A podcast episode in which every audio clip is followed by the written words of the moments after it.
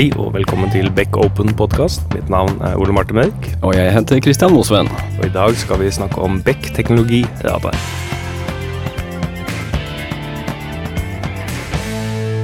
Ja, Kristian, hvordan eh, går det? Du, eh, jeg er bitte litt eh, forkjøla. Det har vært en fantastisk mai, sånn eh, værmessig og sånn. Ellers så går det, går det bra. Så fint. Eh, vel eh, overstått 17. mai også. Vi sitter jo her morgenen 18. mai, så hvis Mm. det skurrer litt, så har det grunnen der. Ja, eh, ja hvordan var din feiring? Den var veldig fin. Rolig. Passe mengde med is og sukkerspinn, så jeg var, var fornøyd. Og du? Jeg så toget på Ekeberg, og så gjorde jeg egentlig ikke så veldig mye mer etter det. Nei, Så, Gikk du rett hjem og så um, keynoten fra Google IO? nei, det gjorde jeg ikke. Nei. det gjorde jeg ikke. Jeg så litt hockey fra NHL-sluttspillet. Selvfølgelig. Men eh, noe spennende som eh, i hvert fall har skjedd meg eh, siden sist, er at eh, det prosjektet jeg sitter på, som er- heter DigiSyfo, et Nav-prosjekt, har blitt nominert og er en av de tre finalistene til digitaliseringsprisen. Så det blir spennende å se på digitaliseringskonferansen hvordan det går. Ja, spennende.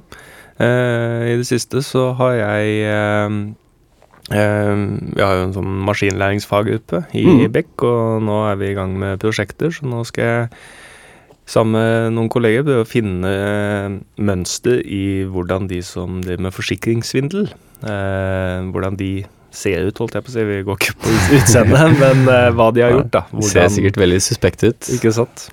Eh, hva som har Om vi kan se noen tegn da på at eh, et erstatningskrav er, faktisk er svindel. Ja, ja, det er veldig Så spennende. det er Det er ganske så vanlig område for uh, maskinlæring, er det ikke det? Det er det. det er det. Så, men uh, i hvert fall for meg, som ikke har så mye erfaring med maskinlæring, men prøver å lære meg så mye jeg kan, så er det et eh, veldig fint prosjekt. Og det har jo Det er jo masse, masse data og masse hull i dataene. Så vi har en, en eh, god utfordring der sånn. Så, Ja. Har dere- Får dere reelle data, eller er det Ja. liksom simulert noe? Nei, det er reelle data relativt eh, anonymisert, da. Mm. Eller nok anonymisert til at vi ikke klarer å finne ut hvem det er. Mm. Så gleder vi oss til å få noen resultater over sommeren, får vi se. Ja, Spennende. Men jeg, du nevnte jo at eh, i dag så skal vi snakke om Beck eh, teknologiradar, så kanskje vi bare skal ta inn eh, gjestene våre. La oss gjøre det.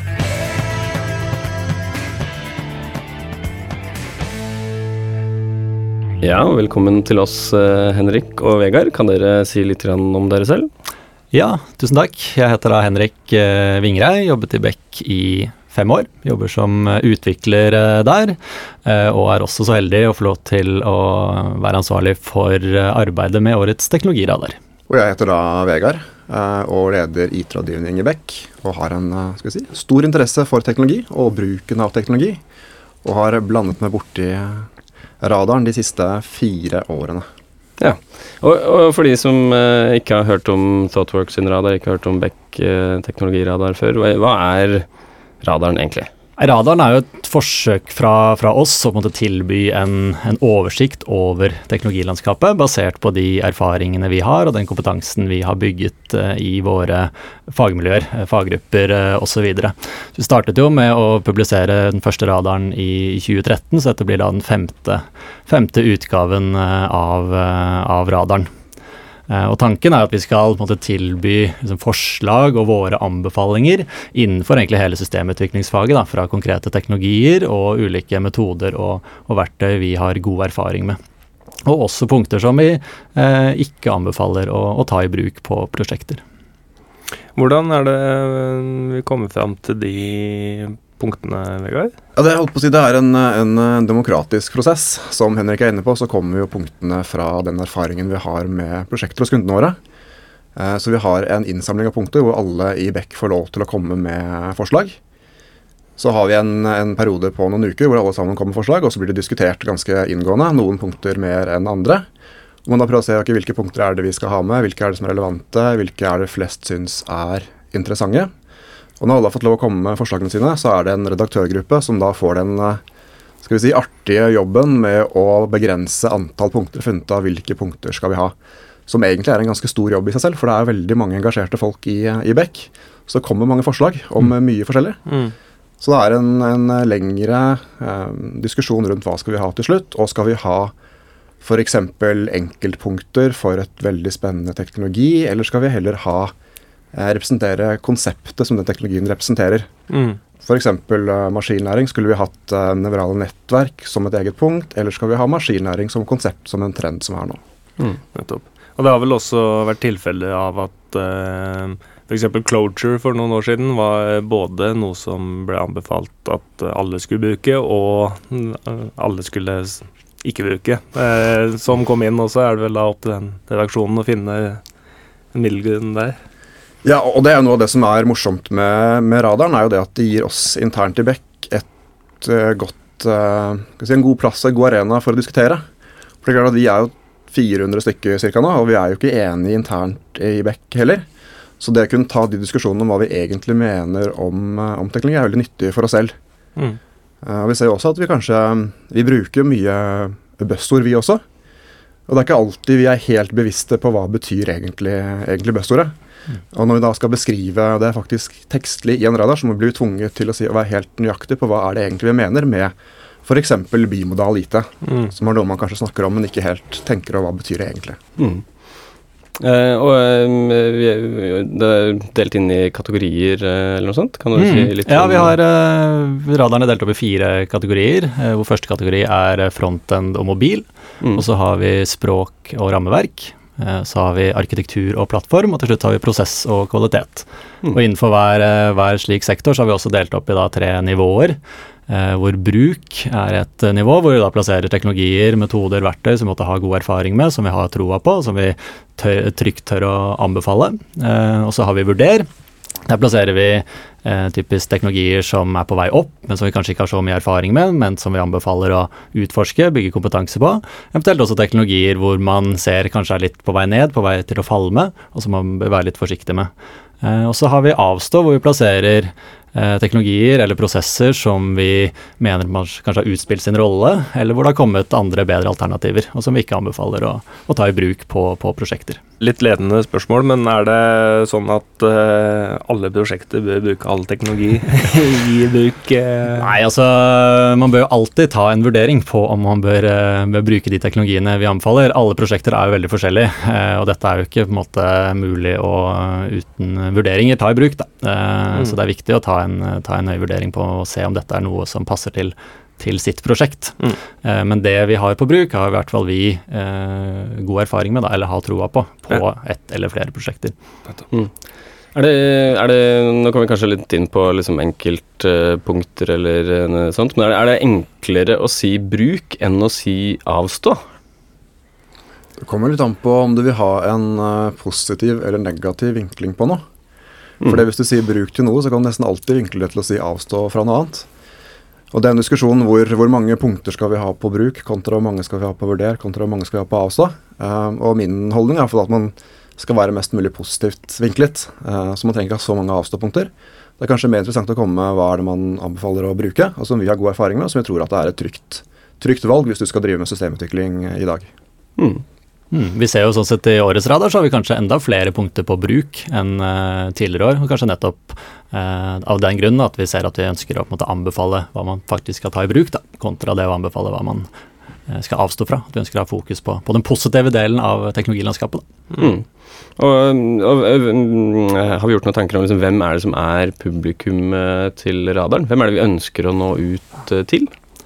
Det er egentlig et veldig bredt, bredt publikum da, som er i hvert fall våre tenkte mottakere. Det er egentlig alle som er på en måte teknologiinteresserte. Eh, det er utviklere, det er på en måte IT-sjefer. så det fører jo til at det blir et veldig sånn bredt nedslagsfelt, og også at det blir en stor variasjon i punkter. Da. Både fra på en måte spissede eh, teknologier som treffer utviklere som sitter ute og programmerer, og også mer litt sånn overordnede prosesser, litt mer overordnede konsepter, da, som har som mål å treffe, treffe IT-sjefer. Og så er det også studenter sånn sett, som er, et, eh, er tiltenkt mottakere, da, når de f.eks. skal ta teknologi teknologivalg til sine, til sine prosjekter. Da, og på en måte få et eh, innblikk i hva som faktisk er i bruk uh, ute i bransjen.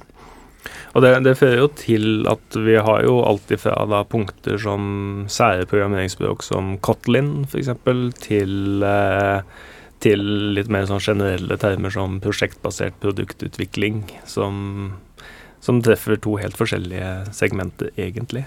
Mm. Og noen lurer kanskje på um, hva det er som gjør at uh, vi lager denne radaren. Hvorfor lager Beck uh, en sånn teknologiradar? Nei, en av, en av motivasjonene er jo rett og slett det å diskutere ting internt, da. litt som Vegard var inne på i stad. Det er ikke så ofte vi har muligheten til å måtte, diskutere ting på tvers av avdelinger, på tvers av, av, fagfelt, og på en måte virkelig finne ut hva er det vi egentlig mener. da. Eh, vi snakker jo en del om liksom, ting, eh, men hiver, hiver, en del baller opp i luften, da, men får aldri muligheten til å får aldri muligheten til å, å, faktisk diskutere ting og finne ut hva vi, hva vi mener. Da. Så det er en veldig nyttig øvelse for oss. Mm. Uh, og så ønsker vi jo på en måte å dele av de erfaringene vi har, og forhåpentligvis kunne liksom, påvirke bransjen noe. da, uh, Og komme med i hvert fall våre anbefalinger til kunder og, og konkurrenter. Og, så jeg, bare lyst til å nevne, jeg var jo med i 2013 også, da vi begynte. Og da var jo også et av poengene at da fantes kun Thoughtworks sin eh, radar, som um, var for et internasjonalt uh, marked, og det fantes ikke noe i Norge. Så mm. da ønsket vi å ta den plassen og se på det med norske øyne og norske prosjekter som er litt mindre enn de som uh, finnes uh, andre steder. Mm. Mm. Og så prøve å fokusere på liksom, nå-situasjonen. En del andre radarer, som, uh, som Accenture sine andre radarer, ser jo gjerne noe lenger frem i tid og snakker vel mer om visjoner. Mens vi prøver jo å se på hva er det vi bruker i dag, da. hva er det som er på en måte gjeldende nå. hva er det Hvis du nå skal starte et, et nytt prosjekt, hva er det du da bør, bør eh, se på og ta i bruk? Mm. Og så nå, nå, Vi skal jo arrangere et eh, litt, litt arrangement rundt dette her på, på Parkteatret den 22. 22. Så hvis dere rekker å høre denne episoden her før 22., eh, så går det an å stikke dit. Uh, og der har vi jo åpna opp for uh, gjester. Så kan komme, alle kunne melde seg på og komme. Og da, har vi sett noe, på en måte, noen trender eller noe sånt på hvem som uh, har uh, skaffa seg billetter dit? Det er vel litt som erfaringen er fra tidligere år også, så er det at det er utrolig mange forskjellige folk som ser på radaren. Eh, alt fra utviklere til prosjektledere til arkitekter til IT-ledere til folk på forretningssiden som gjerne jobber opp mot IT. Og det ser vi også på påmeldingen eh, nå på, på mandag. At det er liksom hele, hele spekteret. Som jo også gjør det litt utfordrende med, med radaren, for det publikum er så bredt. Mm. Det er egentlig for alle som er teknologiinteresserte, og som har en relasjon til systemutvikling. Eh, og Det gjør jo også at vi får litt sånne punkter i radaren som Martin var inne på. At vi har alt fra liksom litt sånn sære programmeringsspråk til mer eh, prosessmessige ting. Mm. Så jeg tror den treffer, eh, treffer veldig, veldig, bredt. da. Den er interessant for, for, mange å ta et blikk på og se på hva det egentlig som rører seg rundt teknologi. Mm. Så ja, eh, Da tenkte jeg at vi kan gå inn og se på enkeltpunkter og hvilke trender vi ser i radaren. Ja, Henrik. Radaren består jo av ca. oppimot 100 punkter. Går det an å si noe generelt om trendene i de punktene? Ja, det er jo flere som måtte, prøver å spå om eh, fremtiden og se på liksom, hvilke trender er det som kommer. Eh, og Vi prøver også det, men vi har kanskje en litt annen vri på det. Eh, vi prøver å ta, ta, utgangspunkt i alle punktene og se om vi klarer å se noen fellesnevnere eh, på tvers av eh, sektorer og på tvers av, av, nivåer, for å kunne komme med noen litt mer overordnede trender. Mm. Eh, og det har vi gjort i, gjort i år også, identifisert fem slike trender i år. Skal vi bare ta og gå gjennom én og én, Vegard? Eh, den første er vel målingsbasert innsikt. Hva legger dere i det? Ja, det vi ser er at vi i større og større grad måler ting eh, når vi jobber med systemutvikling og på prosjektene våre. Og vi måler ting både fra et teknisk perspektiv, eh, vi måler ting fra et bruksperspektiv, og vi måler ting fra et forretningsperspektiv i forhold til om det vi lager, når de forretningsmålene, de gevinstene som man egentlig er ute etter i utgangspunktet.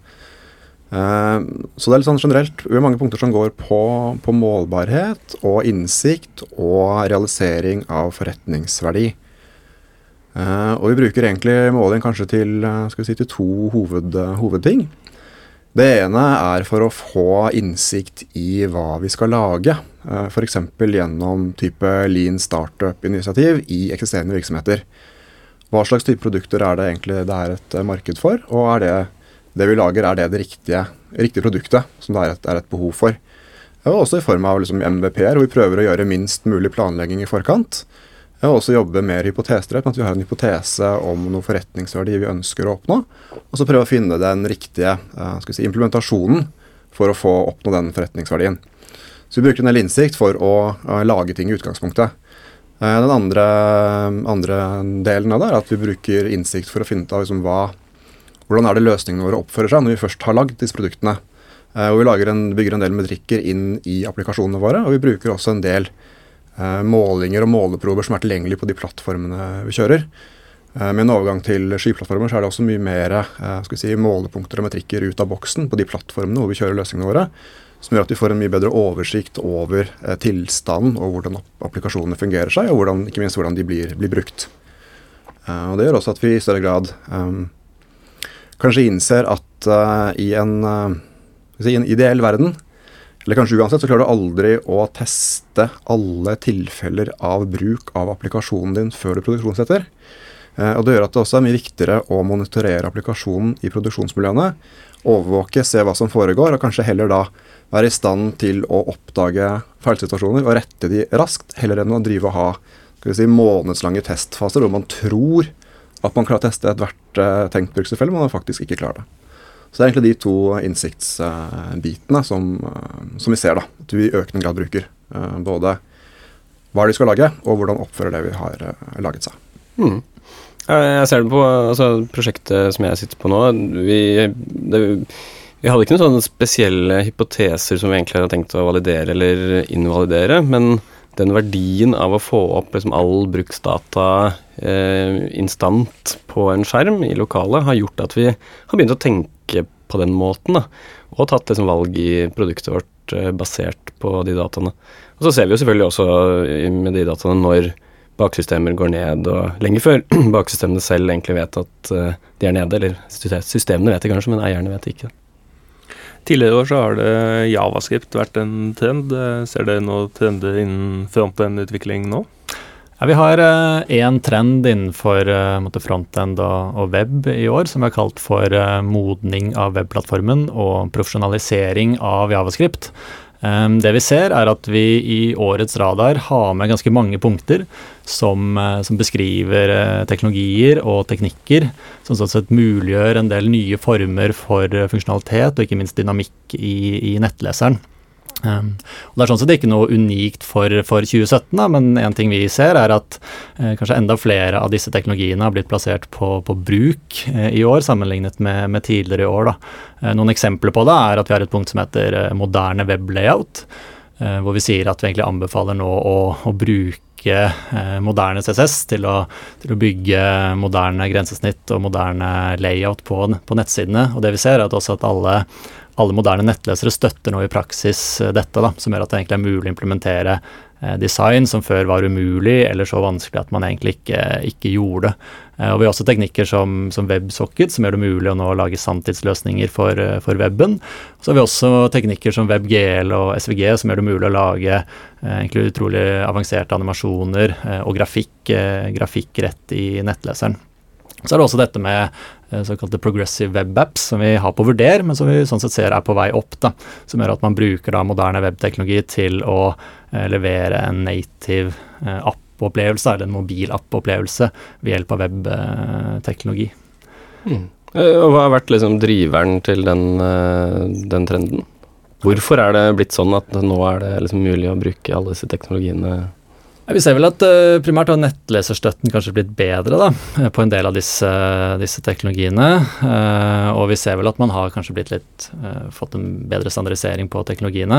vi ser fortsatt at man må bruke en del støtteverktøy, kanskje som noe transpilering og den type ting, for å virkelig kunne utnytte disse, disse teknologiene. Men vi ser sånn at det har, har, stabilisert seg noe, da, og vi har også fått mer konkret erfaring med teknologiene. Hmm.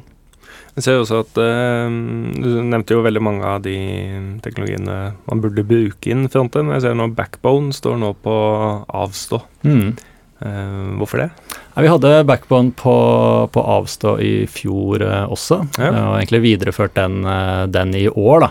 Nei, Hovedpoenget er vel at man ser at det har kommet bedre alternativer. Eh, React Redux er jo en eh, en slags de facto standard innenfor frontend-utvikling, i hvert fall på våre prosjekter, og litt generelt i, i bransjen. Eh, Backbone var veldig liksom, forløsende da det kom, og kom med en del eh, gode konsepter hvor man fikk eh, struktur og liksom, hjelp til å håndtere frontend-koden. Eh, Javascript er jo kanskje sånn sett en sånn ung Eller fagfeltet frontend er kanskje litt sånn ungt, men har tatt flere steg i det siste. og Man har kanskje de siste årene på en måte lett Eh, og søkt litt etter hvordan man faktisk skal måtte, strukturere frontend-koden sin. Da. Eh, så backbone da det kom, så fungerte det bra, men nå ser vi at det har kommet bedre alternativer, som f.eks. React Redux, eh, og også Elm, som vi også har med på, på radaren i år. Mm. Det hadde vi jo på, på å vurdere i fjor, men etter det som har skjedd med språket siste året, og også den erfaringen vi har, vi har fått på ulike prosjekter, så har vi flyttet det til, det til bruk. Mm. Ja, jeg kjenner jo en veldig interessant eh, podkast som hadde en episode om Elm for ikke så veldig lenge siden. Jeg hørte, jeg hørte på den. Mm. Mm.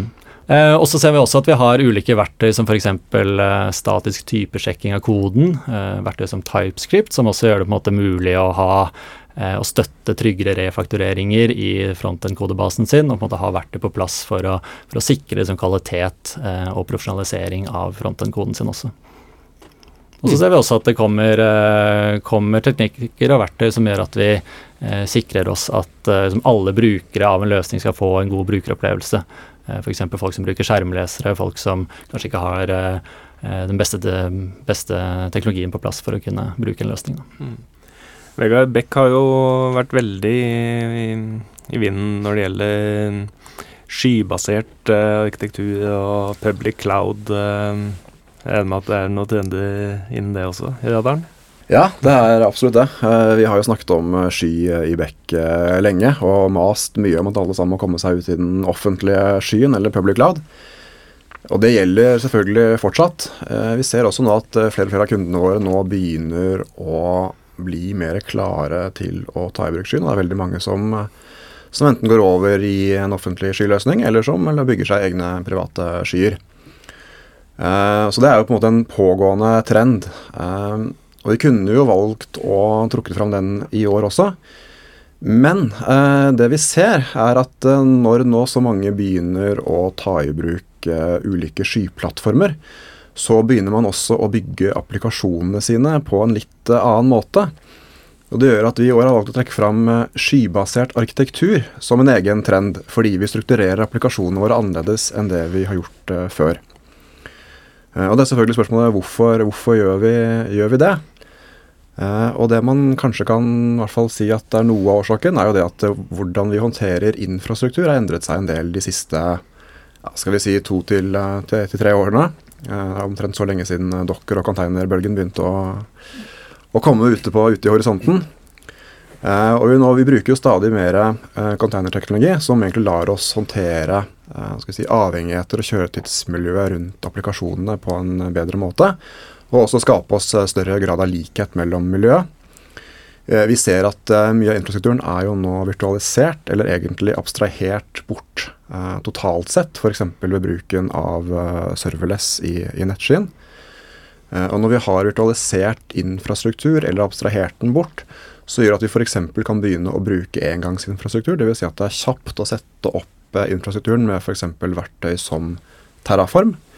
Så istedenfor å drive og liksom sitte og kose med de gamle serverne dine som du sitter og patcher, så er det kjapt å få å slette hele infrastrukturen din og sette den opp på nytt igjen. og Det gjør at du får en helt annen dynamikk i hvordan du opererer med infrastruktur. Uh, og når infrastrukturen er blitt så lett å håndtere, så er det kanskje ikke noe poeng lenger å fortsette å ha store monolitter som har en dedikert hardware under seg. Den uh, virtualiserte infrastrukturen, uh, og når vi da ikke lenger forholder oss kanskje til infra infrastruktur i det hele tatt, gjør at vi kan ha en mer uh, dekomponert og distribuert arkitektur. og alle, håper å si alle, kanskje fælt til å si det, men de fleste har jo kjennskap til mikrotjenester, ikke sant? hvor man da i større grad dekomponerer og distribuerer arkitekturen sin i form av kanskje ikke liksom mikrotjenester, men i hvert fall mindre, mindre applikasjonsenheter som gjerne håndterer et uh, forretningsdomene eller en skal vi si, uh, bounded context fra domain-driven design. som da tilgjengeliggjør en tjeneste som andre kan, kan konsumere. Så arkitekturen er mer distribuert. Man går jo da kanskje over til skal vi si, dataressurser som man konsumerer i nettskyen gjennom serverless, som gjør at du har mindre beregningsenheter i arkitekturen din enn å ha disse svære, gamle systemene. Som jo er interessant. Og de fleste bruker jo også faktisk i økende grad skal vi si, eh, containere, selv om de ikke har noen planer om å, å gå i en offentlig sky. Mm. Og jo, Du nevnte jo liksom mikrotjenester, og at man ikke trenger å liksom egentlig ha en liksom, korrekt definert mikrotjeneste, men bare det at man har muligheten til der det, er, der det gir mening, og på en måte lage en ny applikasjon i stedet for å legge til funksjonalitet på en annen, da, som man kanskje gjorde for noen år siden, bare fordi at man var tvunget til den ene serveren man fikk lov til å bruke, så gjør jo det noe med hvordan man liksom tenker på oppbyggingen av applikasjoner også. No, noe du var inne på um, med Ski, så har du jo um, Vi har jo public cloud som under bruk, og så har vi private cloud som vurderer. Um, så man har ikke private cloud på avstå, altså? Nei, vi har ikke det. Um, vi har jo veldig troen på at når man skal ta i bruk skyen, så er det kanskje to ting som, eh, som, gjelder. Eh, og Det ene er at man bør søke å gå mot public cloud. Og det andre er at man bør prøve å etablere seg så høyt opp i nettskyen som man kan. Eh, og når jeg sier høyt opp, så mener jeg da at man ikke bør begynne å bruke infrastructure as a service. Altså bare ta den infrastrukturen du har i dag, virtualisere den, måke den opp i skyen. Men kanskje bevege seg mer i retning av serverless, som egentlig er den skal vi si, rene plattformteknologien som skyen tilgjengeliggjør. Uh, men samtidig så er det jo veldig mange som har um, skal vi si, omstendigheter som gjør at de ikke ønsker eller ikke evner å ta steget ut i en public cloud. Og da ser vi at veldig mange av kundene våre etablerer eh, private skyløsninger i, i dag, f.eks. basert på OpenShift. Og det er greit? Tenker det er et uh, godt steg på, på veien. Jeg ville nok selv, hvis jeg hadde kunnet uh, hatt min egen IT-avdeling, så ville jeg nok gått ut i en public cloud. Mm. Jeg tror det er mulig for de fleste, uh, hvis man bare vil det. I hvert fall viktig å tenke på at hvis man tar steget til en uh, privat sky, at man også har i bakhodet at man på sikt kanskje kan flytte dette opp til en offentlig sky, da, med tanke på de verktøyene man, uh, man bruker og den plattformen man baserer uh, den private skyen på. Mm. Du kan jo si at Man har jo en del gevinster med å gå ut på en, en privatsky i form av liksom, økt automatisering, um, kanskje enklere um, håndtering av ressurser. Men samtidig så må du jo fortsatt vedlikeholde kompetanse på infrastruktur, for du må jo fortsatt drifte infrastrukturen din. Og du, må jo også ha, du har jo også et begrenset sett med ressurser. Selv om du på en måte kan automatisk prosjonere opp en ny server, så er det en hardware-begrensning der som du ikke har på samme måte som i en offentlig nettsky. Så selv om man får noen gevinster ved å gå i en privatsky, så en, er det en del steg igjen til de gevinstene man faktisk får ved en offentlig, offentlig nettsky. Mm. Og eh, en uh, ting som henger litt sammen med sky, og som kanskje gjør liksom, noen ting veldig enkle hvis man går uh, offentlig sky, er en trend som dere kaller uh, produkter som tjenester. Ja, det stemmer. Det vi ser er at det skjer en enorm innovasjon innenfor antall tjenester som nå er tilgjengelig i, i nettskyen. Um, og Tradisjonelt så har vi jo ofte liksom kjøpt og installert ulike produkter og vedlikeholdt de internt. Eh, det vi nå ser, er at man kan løse egentlig mange av de samme behovene eh, ved å konsumere og interagere med, med tjenester i nettskyen, og konsumere de samme produktene som tjenester i stedet. Eh, eksempler på det er det vi har kalt for Identity as a Service. Eh, som er eh, egentlig at eh, håndtering av innlogging, autentisering, brukerkontoer blir da håndtert av en tjeneste i nettskyen. F.eks. Microsoft og Google har jo tjenester for dette. Ås Null er et annet eksempel på en sånn type tjeneste, da, som man da håndterer den type ting som, som en tjeneste. I tillegg har man f.eks. loggaggregering. Det er jo noe vi egentlig har i bruk på nesten alle våre prosjekter. Tradisjonelt har man jo da installert enten et produkt som Splunk eller Eh, et open source-alternativ som heter Elastic Stack. Um, men det vi ser nå, er at det også er jo mange tjenester tilgjengelig som lar oss måtte pushe loggene direkte til den tjenesten, eh, og så ganske kjapt kunne få opp da visualisering og analyse av loggene uten å måtte, konfigurere opp produktet selv. Så én ting er at vi måte kan erstatte erstatte eh, eksisterende produkter som vi bruker i dag, med å da konsumere tjenester. En annen mulighet er at eh, vi ser jo det er jo veldig mange avanserte tjenester nå tilgjengelig, f.eks. innen maskinlæring. Eh, vi har med et punkt som heter Intelligence as a Service, som egentlig er på en måte ferdigtrente eh, maskinlæringstjenester. Eh, og en fellesbetegnelse på tjenester som er på en måte ferdig opplært eh, med store mengder data, og hvor da den liksom, komplekse matematikken som faktisk er i maskinlæring, er på en måte ferdig implementert eh, for deg. Da. Og det gir oss også muligheter til å lage tjenester innenfor liksom avanserte områder som maskinlæring, uten nødvendigvis å ha tilgang til eh, den ekspertisen eh, man tidligere måtte ha. Hmm. Og, det, og, det, er noe som, som, både Amazon og Google og Microsoft eh, egentlig nå tilbyr i sine mm.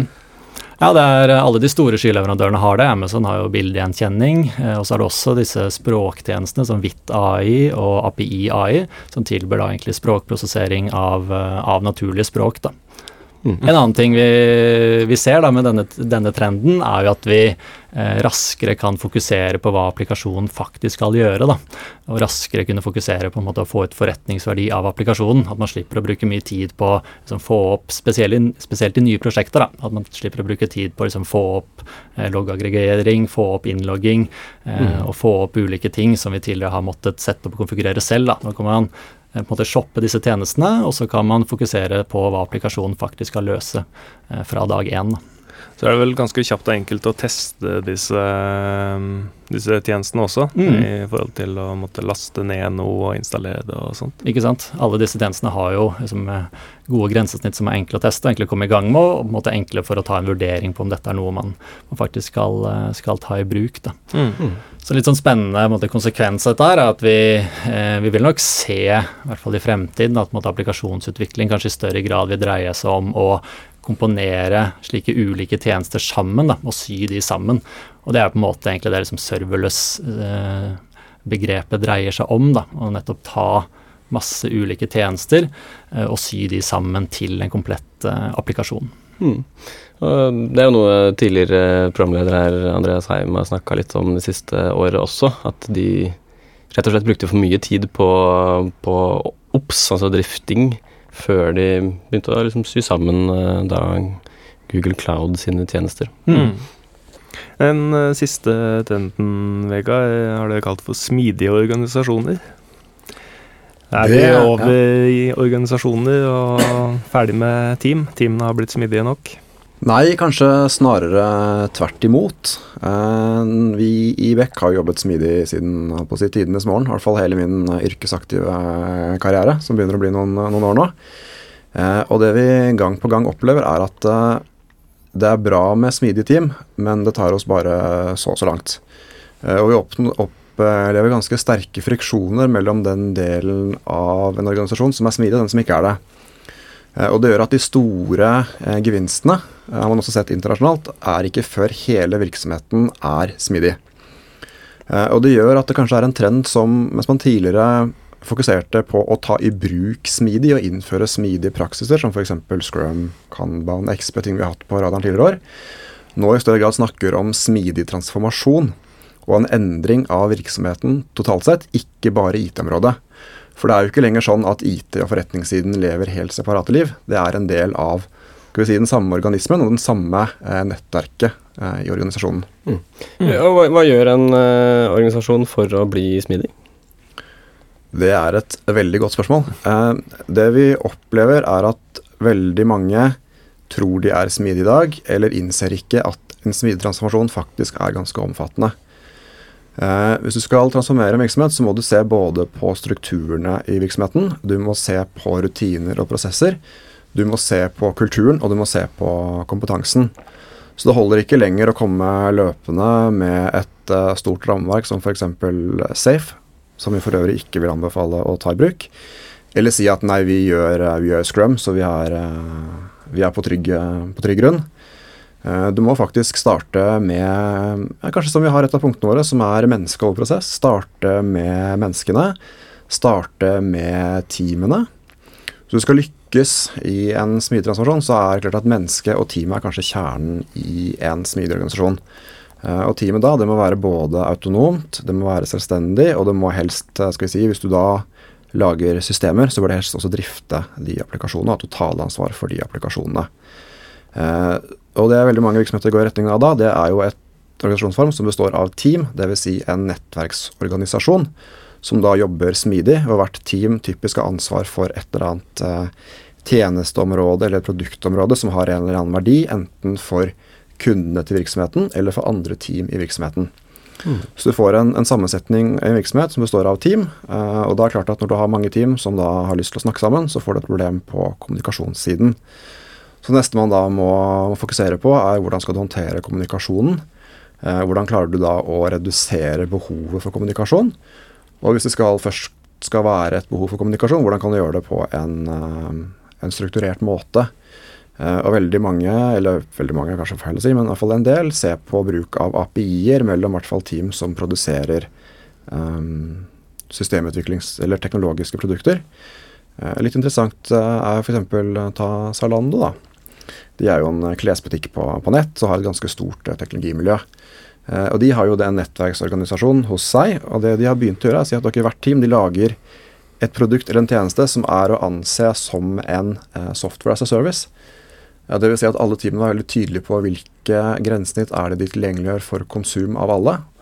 Uh, og man får da stabile grensesnitt som alle sammen kan da liksom Litt sånn som man snakket om, Henrik snakket om i stad, med hvordan man komponerer opp applikasjonene sine. Da kan man komponere basert på de tjenestene som de andre teamene tilbyr. Mm. Um, og sist, men, men kanskje ikke, ikke, minst, er at eh, en sånn form for uh, smidigorganisasjon krever en litt annen ledelsesstil enn tidligere. Man kan ikke lenger ha den uh, si, hierarkiske lederen som står og sier at uh, gjør sånn og sånn. Man må heller ha en, en ledelsesstil hvor man hjelper hjelper teamene å sette retning og si at dette er målene man skal oppnå, og så hjelper teamene i, den, i, å nå de målene som man har satt. Mm. Så kanskje en mer form for si, tjenende lederskap enn et si, kontrollerende og, og, styrende lederskap. Mm. Mm.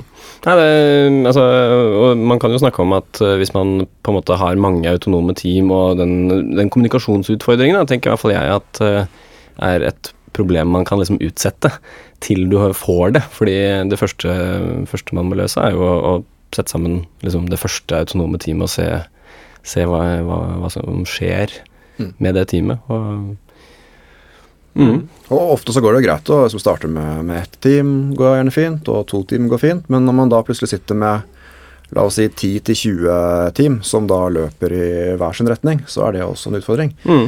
Uh, og det er nok flere av de som, som går gjennom en sånn form for smittetransformasjon, får en utfordring med å, å, skape en felles retning på tvers av alle teamene, så ikke alle sammen liksom, gjør ting helt forskjellig. Mm. Uh, så klart det er ikke det er ikke lett, det er ikke lett. Eh, men det er en eh, trend vi ser at eh, kundene våre i økende grad også begynner å, å se på. Ja, ja, det er veldig bra. Men det er noe vi tenker at man De utfordringene bør man håndtere underveis, og ikke up front. Man bør nok um, tenke seg litt om før man endrer på hele organisasjonsstrukturen. Uh, det bør man nok. Uh, men jeg tror mange av teamene, eller mange av problemene, kan man nok ta underveis også. Mm. Og, og, det er litt som vi sier, liksom, hvorfor, um, hvorfor skal virksomheter endre seg? Hva er poenget med å gå fra en hierarkisk struktur til en nettorganisasjon? Uh, og de behovene man har i dag, er rett og slett at virksomhetene er nødt til å være endringsdyktige. De må være fleksible, og de må være effektive. Så man kan ikke si at man nå skal uh, transformere virksomheten til en, en, statisk tilstand. Man må komme i en, en, tilstand hvor man hele tiden evner å endre seg og tilpasse seg de forholdene som er, både markedsmessig, men også teknologimessig, for teknologien utvikler seg ekstremt raskt. Mm. Men uh, tusen takk, Henrik Vingereid og Vegard Hartmann, for at dere ville dele teknologiradaren med oss. Bare hyggelig. Takk for at vi fikk komme.